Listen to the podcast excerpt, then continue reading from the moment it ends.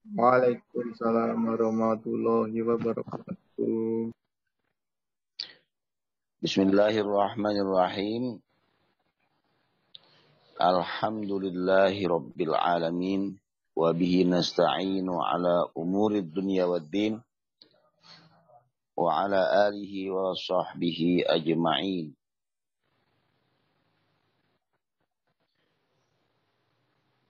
وصلى الله أيضا وسلم على نبينا محمد. عدد كل حرف كتب ويكتب أبد الآبدين ودهر الداهرين. قال المصنف رحمه الله تعالى عنه ونفعنا به وبعلومه في الدارين آمين. أما بعد سبحانك لا علم لنا إلا ما علمتنا إنك أنت العليم الحكيم لا حول ولا قوة إلا بالله العلي العظيم والحمد لله رب العالمين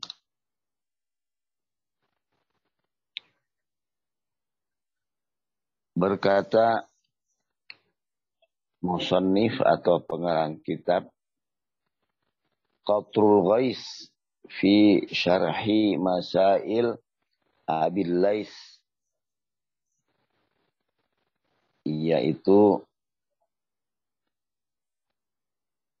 Syekh Muhammad Nawawi Banten. Sebutkan beliau mensyarahkan atau me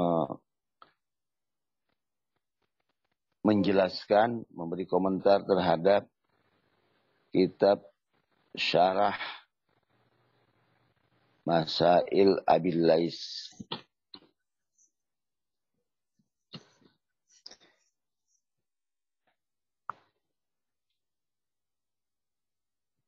Kata beliau,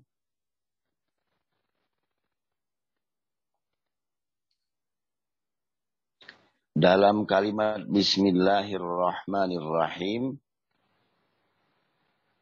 terdapat ismul jalalah atau kata Allah yang merupakan nama khusus tanpa ada asal penamaan itu baik dari kata benda maupun kata kerja. Artinya kalimat Allah itu tunggal satu-satunya dan al di situ pada kata Allah lalit tarif bal wudi'a kazalika bukan seperti al pada kata Alkitab atau pada kata Alhamdulillah dan seterusnya. Yang asalnya adalah kitab ditambah al.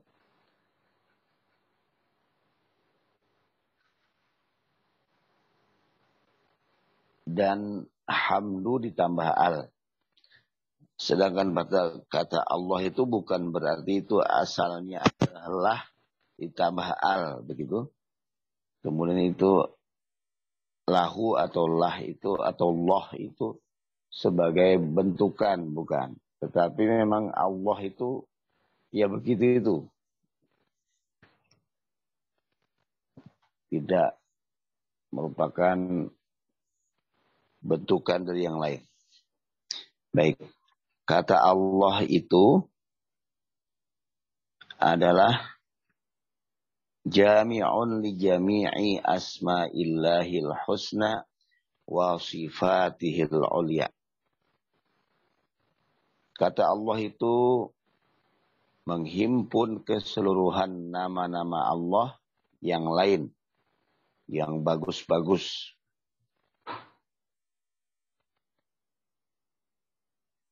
Jadi kalau orang menyebut Allah itu artinya mengandung nama-nama yang lain seperti nama Allah yang lain Ar-Rahman, Ar-Rahim, Al-Malik, Al-Quddus. Itu semuanya sampai asma Allah yang 99 itu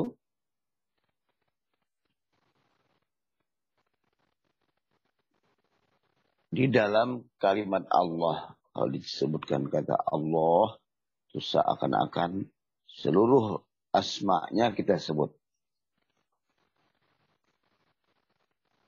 Selain namanya juga menghimpun sifat-sifat Allah yang luhur. Yang barusan kita bahas, kita kaji sebelumnya. Yaitu wujud, qidam, baqa, mukhalafatuhu lil hawadisi. Dan lain-lain. Sampai ke sifat yang ke-20. Itu hanya dalam kalimat Allah atau kata Allah saja.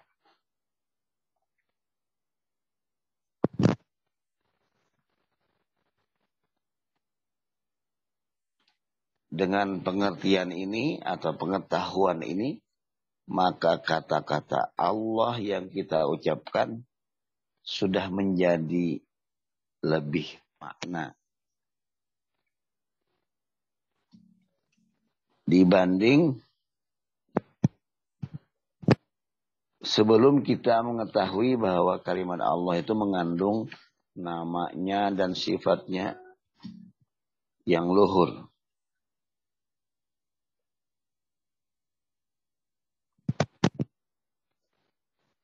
Kemudian dalam kata Bismillahirrahmanirrahim, selain mengandung kata Allah, juga terkandung kata Ar-Rahman.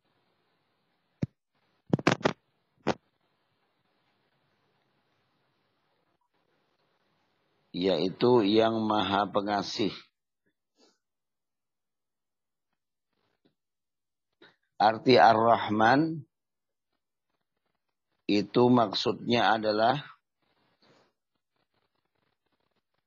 ilah atau Tuhan yang berlimpah kasih sayang dan memiliki serta memberikan berbagai karunia yang besar-besar.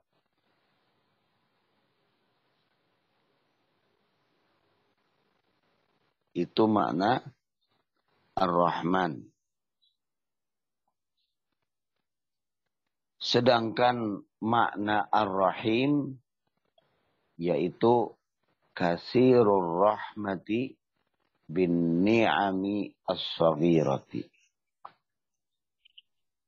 Yaitu zat Allah atau Tuhan yang berlimpah kasih sayang dan memberikan berbagai karunia yang kecil-kecil, yang detil-detil, yang bahkan tidak bisa kita lihat dengan mata biasa. Jadi kalau nikmat-nikmat Allah yang besar-besar, seperti hidup di dunia, bernafas, begitu ya kemudian air yang melimpah, udara yang segar, hamparan tumbuhan begitu yang banyak ya. Tanah yang subur, gunung-gunung dan berbagai nikmat yang besar-besar itu itu adalah milik Allah terutama milik Allah sebagai Ar-Rahman. Sementara nikmat yang kecil-kecil, yang detil-detil, itu adalah dalam nama Allah Ar-Rahim. Dan tiga hal ini. Maka dalam kata-kata Allah itu terkandung seluruh nama dan sifatnya yang luhur. Dalam kata-kata Ar-Rahman terkandung pengakuan kita bacaan kita Bismillahirrahmanirrahim yaitu pemilik nikmat yang besar-besar sedangkan dalam kita menyebut Ar-Rahim itu tertuju kepada Allah sebagai pemilik nikmat yang kecil-kecil. Maka setelah kita mengetahui hal, mengetahui hal itu, ketika kita membaca Bismillahirrahmanirrahim, sangat dahsyat itu kandungannya. Oleh karena itulah, kemudian para ulama di antaranya menganjurkan agar berzikir dengan banyak membaca Bismillahirrahmanirrahim. Karena kalimat yang terkandung atau makna yang terkandung di situ sangatlah sangatlah besar.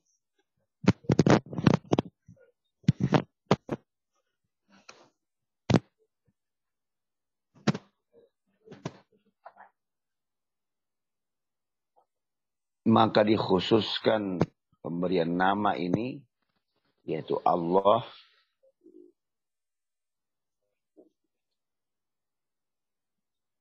Dengan nama-nama Allah Ar-Rahman Ar-Rahim. Tujuannya adalah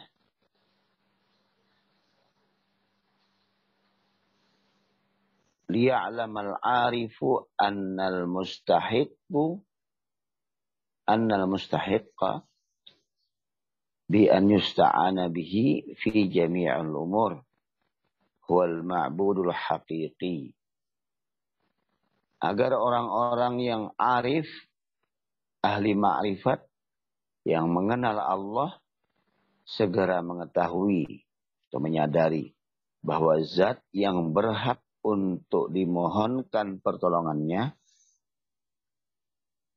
dalam segala urusan huwal ma'budul haqiqiyyu adalah zat yang layak disembah secara hakiki mu'tin ni'ami kulliha jaliliha wa, wa.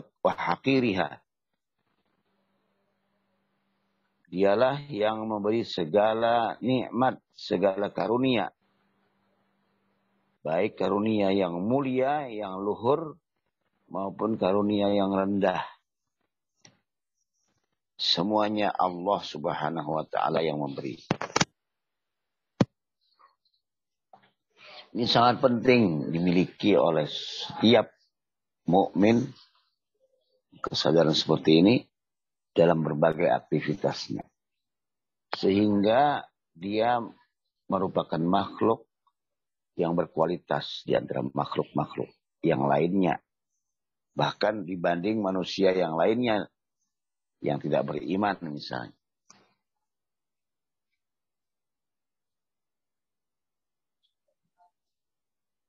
Oleh karena itulah dalam setiap kitab agama yang ditulis oleh para ulama semua dimulai dengan bismillah atau bismillahirrahmanirrahim.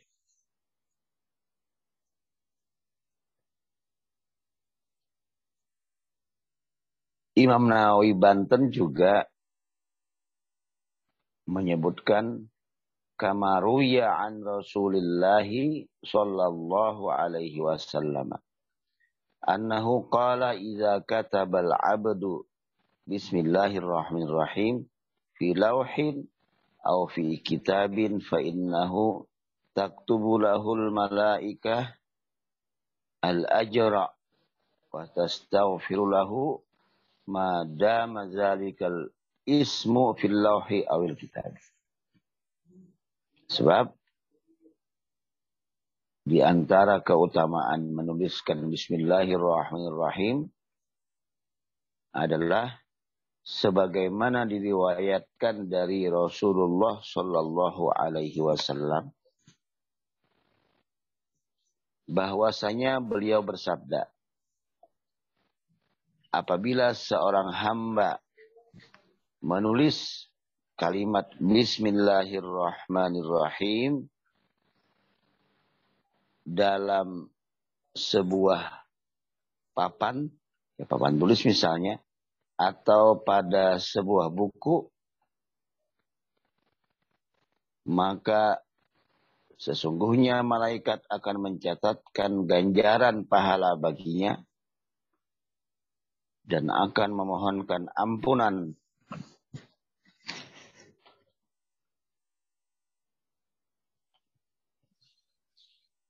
memohonkan ampunan baginya selama nama Allah itu tetap ada atau tetap tertulis di papan atau di buku lembaran buku tersebut. Selama itu pula dia akan mendapatkan doa ampunan dari malaikat untuknya dan pahala terus menerus diteruskan. Maka setelah kita mengerti dahsyatnya kalimat Allah, mengerti dahsyatnya, besarnya, luasnya makna Ar-Rahman, mengerti maksud dari Ar-Rahim, terus mengerti betapa besar keagungan kata Bismillahirrahmanirrahim, lalu kita zikirkan dalam zikir-zikir kita. Kini, kini kita mengerti pula betapa ketika menulis kalimat Bismillahirrahmanirrahim pada lembaran kertas misalnya, betul banyak sekali pahala yang kita dapatkan dan ampunan dari Allah Subhanahu wa taala karena malaikat selalu mendoakan untuk kita selama tulisan Bismillahirrahmanirrahim itu masih ada. Sehingga penting bagi kita untuk bisa menulis Bismillahirrahmanirrahim itu. Dan kita tuliskan pada kertas atau buku catatan kita.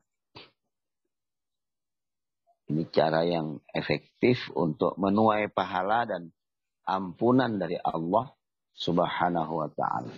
Kali ini, kalau kita sudah tulis Bismillahirrahmanirrahim, tidak lagi kita hanya mengharapkan ampunan dari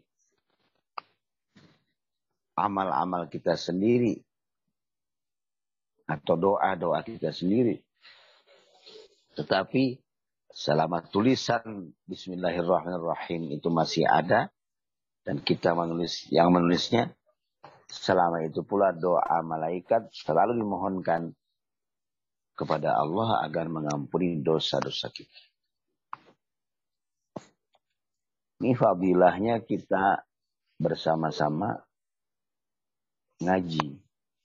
Kita mendapatkan cara untuk mendapatkan ampunan dari Allah Subhanahu wa taala. Alhamdulillahirabbil alamin. Lalu mengenai pujian kepada Allah yaitu makna atau kalimat alhamdulillahirabbil alamin itu artinya ai maliki jami'il makhluqati. Segala puji bagi Allah rabbil alamin. Tuhannya semesta. Atau pemilik semesta. Atau yang memiliki menguasai seluruh makhluk.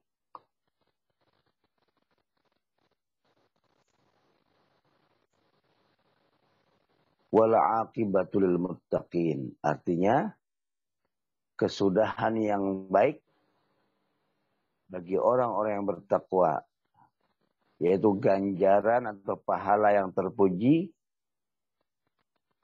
yaitu balasan dari Allah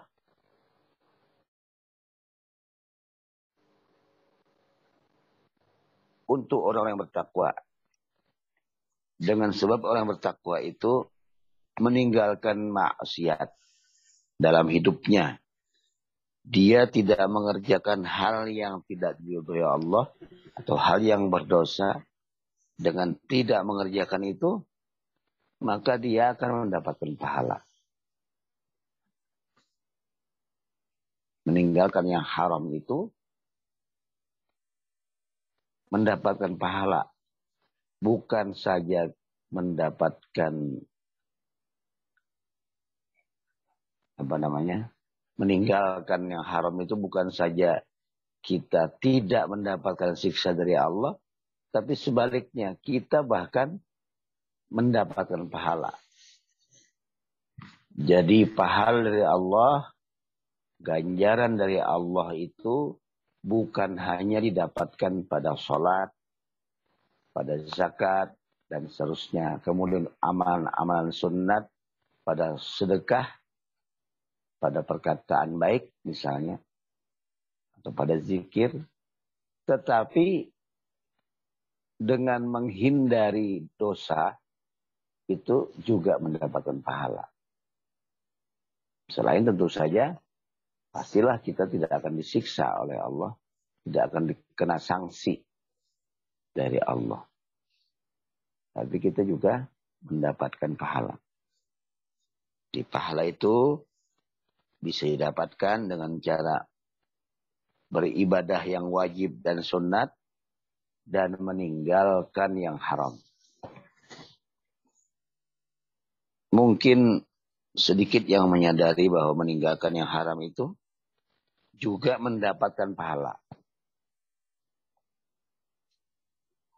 Wassalatu wassalamu ala Sayyidina Muhammadin. Semoga salawat Allah tercurah kepada pemimpin kami, pemuka kami, yaitu Nabi Muhammad. Maksudnya adalah ziyadatul rahmah minallahi ta'ala. Al-maqrunatu bit-ta'zim. Salawat dan salam Allah itu adalah tambahan rahmat Allah yang disertai dengan kemuliaan untuk Nabi Muhammad beserta salam atau penghormatan dari Allah untuk Nabi Muhammad Shallallahu Alaihi Wasallam. Siapa itu Nabi Muhammad? Maka kata penulis kitab ini yaitu Abil Lais dan Imam Nawawi Banten. Beliau adalah Ibnu Abdullah putra Abdullah akmalul khalqi. Khuluqan wa khalqan. Semulia-mulianya makhluk. Baik dari segi perangai maupun dari segi bentuk penciptaannya. Beliau diutus sebagai nabi itu di Makkah, yaitu di Gua Hira, dan dimakamkan di kota Madinah. yang jauh dari Makkah. Al-Musharrafah yang dimuliakan oleh Allah Subhanahu wa taala. Wa alihi wa ashabihi dan juga semoga tercurah kepada keluarga beliau, maksudnya termasuk orang-orang yang menolong dakwah beliau. Min ahlil imani, yaitu orang-orang yang beriman. Maka kalau ada doa Allahumma sholli ala sayyidina Muhammadin wa ala alihi itu termasuk orang-orang yang menegakkan dakwah Islam terutama menolong Nabi Muhammad dalam berdakwah wa ashabihi kepada sahabat-sahabatnya yaitu orang-orang yang ijtama'u bihi orang-orang yang sempat bertemu dengan beliau sallallahu alaihi wasallam fi hayatihi di masa hidupnya ba'da nubuwatihi mu'mina bihi. Sesudah beliau diangkat menjadi nabi dan mereka itu beriman kepada Nabi Muhammad sallallahu alaihi wasallam. Sahabat yang ada di masa Rasulullah banyak jumlah tapi yang ditinggal wafat oleh Rasulullah yang semasa beliau, ya sesudah beliau wafat, yang tersisa itu sejumlah 124 ribu orang. Itu sahabat Nabi. Kecil maupun besar. Laki-laki maupun perempuan. Jumlahnya 124 ribu. Sama dengan jumlah seluruh Nabi Allah subhanahu wa ta'ala. Di semua Nabi itu jumlahnya juga sama dengan jumlah sahabat terakhir. Ya sesudah wafatnya Nabi. Yaitu 124 ribu dan juga sama dengan jumlahnya wali-wali Allah ya, dalam setiap zaman. Ka'adadil anbiya seperti jumlah para nabi wa adadi aulia kulli asrin dan jumlah para wali di setiap zaman. Kasih-kasih Allah dalam setiap zaman. Jika salah satu wafat, salah satu lagi di, diangkat menjadi wali. Jadi menjadi kekasih Allah. Itu orang yang hidup dunia ini yang menjaga agar bala tidak turun seluruhnya ke dunia ini. Karena orang-orang yang dikasih Allah masih melengkapi dunia ini.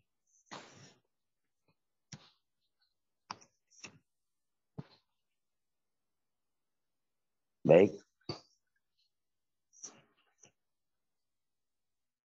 Dikatakan oleh penulis, jika ditanyakan kepadamu, wahai orang yang beriman, ketika ditanya apa itu iman, maka pembahasan kita ini eh, seperti ketika kita menuntut ilmu tauhid pada waktu awal. Sekolah dasar atau di madrasah di waktu kecil pengajian surau-surau musola gitu ya. Apa itu iman maka jawab saja atau mau. Apa itu iman atau apa yang berkaitan dengan hakikat iman?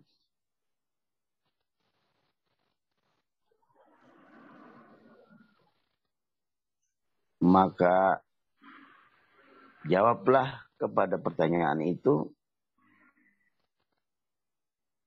yaitu iman itu artinya saya mempercayai Allah, malaikat, kitab, para rasul, hari kiamat, dan qadar atau takdir. Saya beriman maksudnya membenarkan keenam rukun iman itu.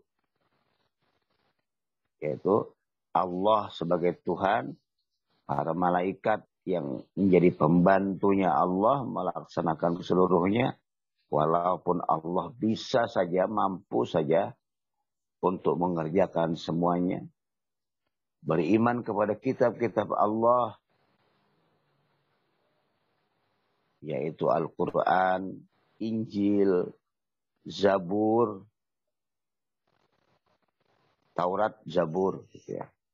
Dan suhuf itu suhufnya Ibrahim, suhufnya Musa, dan suhufnya Nabi Allah Shis, yaitu anak Nabi Adam yang ke-41. Yaitu Nabi Shis menerima suhufnya. Lembaran-lembaran berupa wahyu Allah. Juga beriman kepada para rasul yang jumlahnya tadi 124 ribu ya. Nabi 313 di antaranya berpangkat atau ya berpangkat berderajat rasul. Kalau nabi itu menerima wahyu untuk diri sendiri kalau rasul itu selain untuk diri sendiri dia juga untuk didakwahkan kepada umatnya.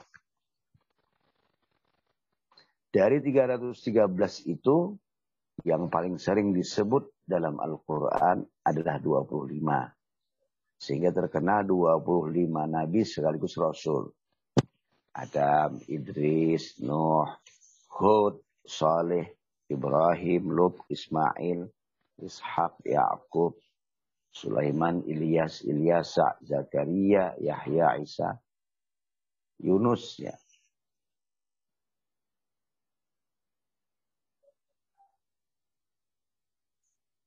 Yahya Isa Muhammad sallallahu alaihi wasallam. Juga beriman kepada hari kiamat yaitu hari kehancuran seluruhnya dunia ini berganti menjadi alam akhirat. Ditandai dengan kiamat. Maka kiamat itu disebut hari terakhir. Wal yaumil akhir. Atau hari kiamat. Tegakkan kekuasaan makhluk. Dan terakhir kita beriman, ya rukun iman yang keenam beriman kepada qadar atau takdir atau kodok dan qadarnya Allah. Ketentuan Allah subhanahu wa ta'ala sejak zaman permulaan sampai ke takdir Allah ketika segala sesuatu berakhir.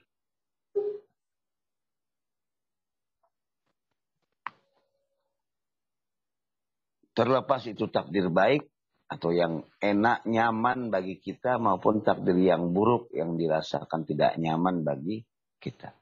Semuanya itu dari Allah dan wajib saya percayai sebagai jawaban kalau orang bertanya kepada kita apa itu iman.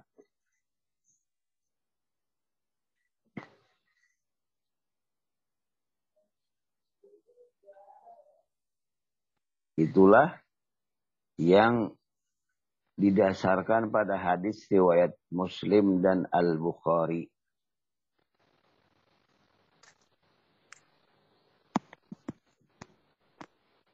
Maka dari situ dijelaskan maksud dari beriman kepada Allah itu adalah membenarkan adanya Allah Ya Allah itu ada dan sifat-sifatnya yang sudah kita pelajari juga yang wajib. Itu tanda kita beriman kepada Allah bahwa Allah itu ada dan sifat-sifatnya yang wajib yang kita sudah baca bersama-sama. Ini tidak sederhana, ini sangat dahsyat. Kalau semua mukmin itu punya kesadaran penuh bahwa Allah itu ada, maka dia tidak akan berbuat dosa. Karena Allah itu ada. Dia yakin pada saat dia terjatuh ke lembah dosa, ketahuilah sesungguhnya saat itu dia tidak merasakan adanya Allah. Ini sangat dahsyat. Ini sangat penting. Rupanya kesadaran bahwa Allah itu ada sering terlepas pada kita. Sehingga kita gampang sombong sikap kita, bersikap merendahkan orang lain, bersikap marah. Lalu kita tersalah-salah dalam kehidupan ini. Jadi adanya Allah itu ternyata tidak abadi dalam iman kita. Ini yang menyebabkan semuanya menjadi salah. Seandainya kita bisa menghadirkan Allah itu dalam pikiran kita, maka kita akan merasa selalu diawasi dalam setiap langkah kita, maka kita cenderung berhati-hati. Jadi ketakwaan manusia itu menjadi bertingkat-tingkat. Iman itu juga kadang menurun, kadang menaik. Tergantung kepada kesadaran kita bahwa Allah itu ada apa tidak. Dalam ucapan mungkin kita katakan ada itu Allah. Saya beriman. Allah itu pasti ada. Mustahil Allah itu tidak ada. Itu tidak layak bagi Tuhan. Kalau dia tidak ada. Dia itu selalu ada. Tetapi pada prakteknya perlu motivasi lagi ini. Perlu penjelasan lagi. Untuk mencapai kebenaran atau pengakuan kita bahwa Allah itu ada. tidak hanya ada beliau atau Allah itu ya. Tetapi saya juga meyakini bahwa Allah itu punya sifat-sifat yang 20 itu. Allah itu wujud, Allah itu kidam, Allah itu baka. Yang kemarin kita juga kita ketahui dengan zikir-zikirnya ya. Iman kita itu. Zikir-zikir yang membantu terjaganya iman itu. Saya katakan lagi, atau saya sampaikan lagi, para ulama mengatakan, semua kebaikan kita, perbuatan kita di dunia ini, indah merangka merawat keimanan kita kepada Allah subhanahu wa ta'ala. Selain kepada Allah, kita beriman juga kepada malaikat. Kita yakin bahwa mereka itu ada juga. Iman kepada malaikat artinya membenarkan bahwa malaikat itu memang ada. Walaupun kita tidak mengerti bentuknya, bentuk sebenarnya. Kita mengakui, mengimani bahwa mereka itu ada dan annahum ibadun mukramun mereka itu tidak sekedar ada tapi juga bahwa mereka itu adalah hamba-hamba Allah yang selalu dimuliakan oleh Allah.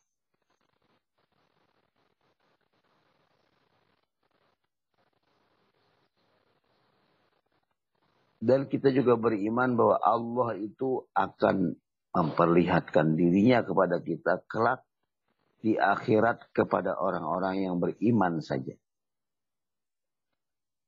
Dan kita juga membenarkan bahwasanya para rasul itu adalah orang-orang yang jujur dalam segala berita yang disampaikan kepada kita.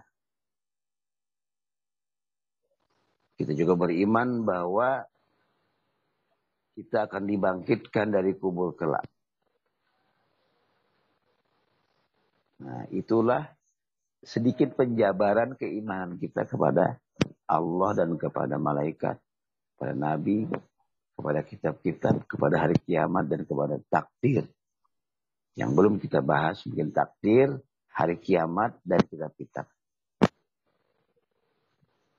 Inilah penjabaran iman.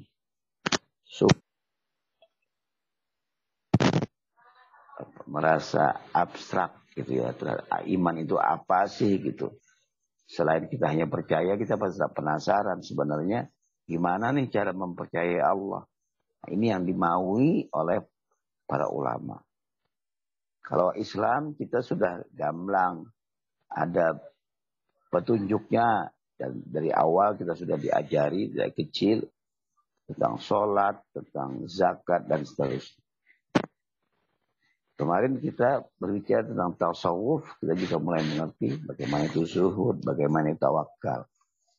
Nah, inilah yang kita ketahui ini semuanya merupakan kualitas manusia yang tinggi, yang sebenarnya mulia dibanding makhluk Allah yang lain.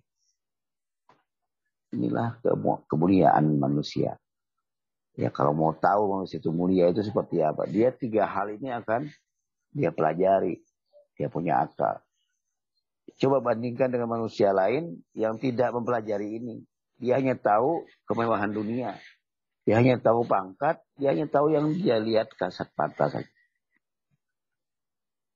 Tidak tahu yang dalam. Padahal kita ini punya dalam nih, punya batin. Nah, di situlah letak dibanding dengan lain, dibanding dengan makhluk yang lain atau manusia yang lain. Kualitas manusia beriman ini luar biasa. Dan itu lebih luas sisi batinnya itu daripada lahir. Lahir ini lebih sempit dan lebih terbatas.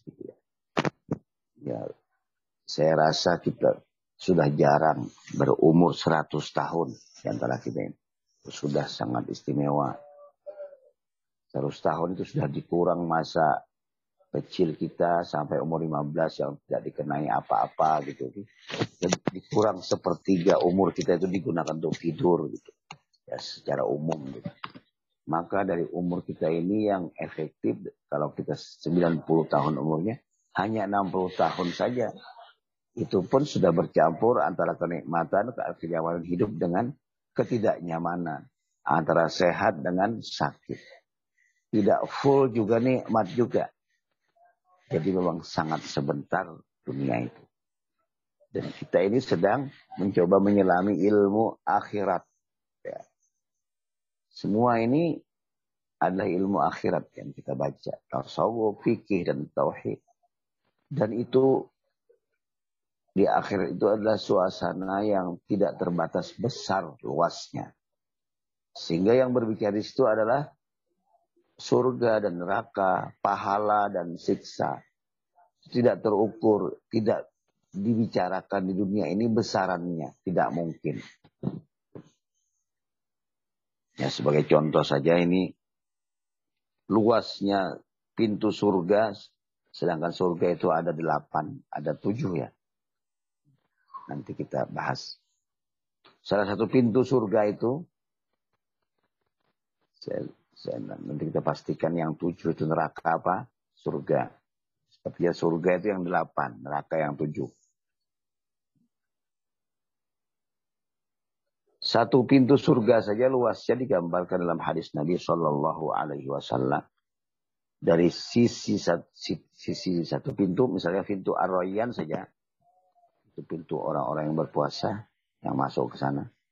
Itu dari salah satu sisinya saja untuk menuju sisi yang lain untuk satu pintu itu digambarkan memerlukan perjalanan 500 tahun jika diukur dunia.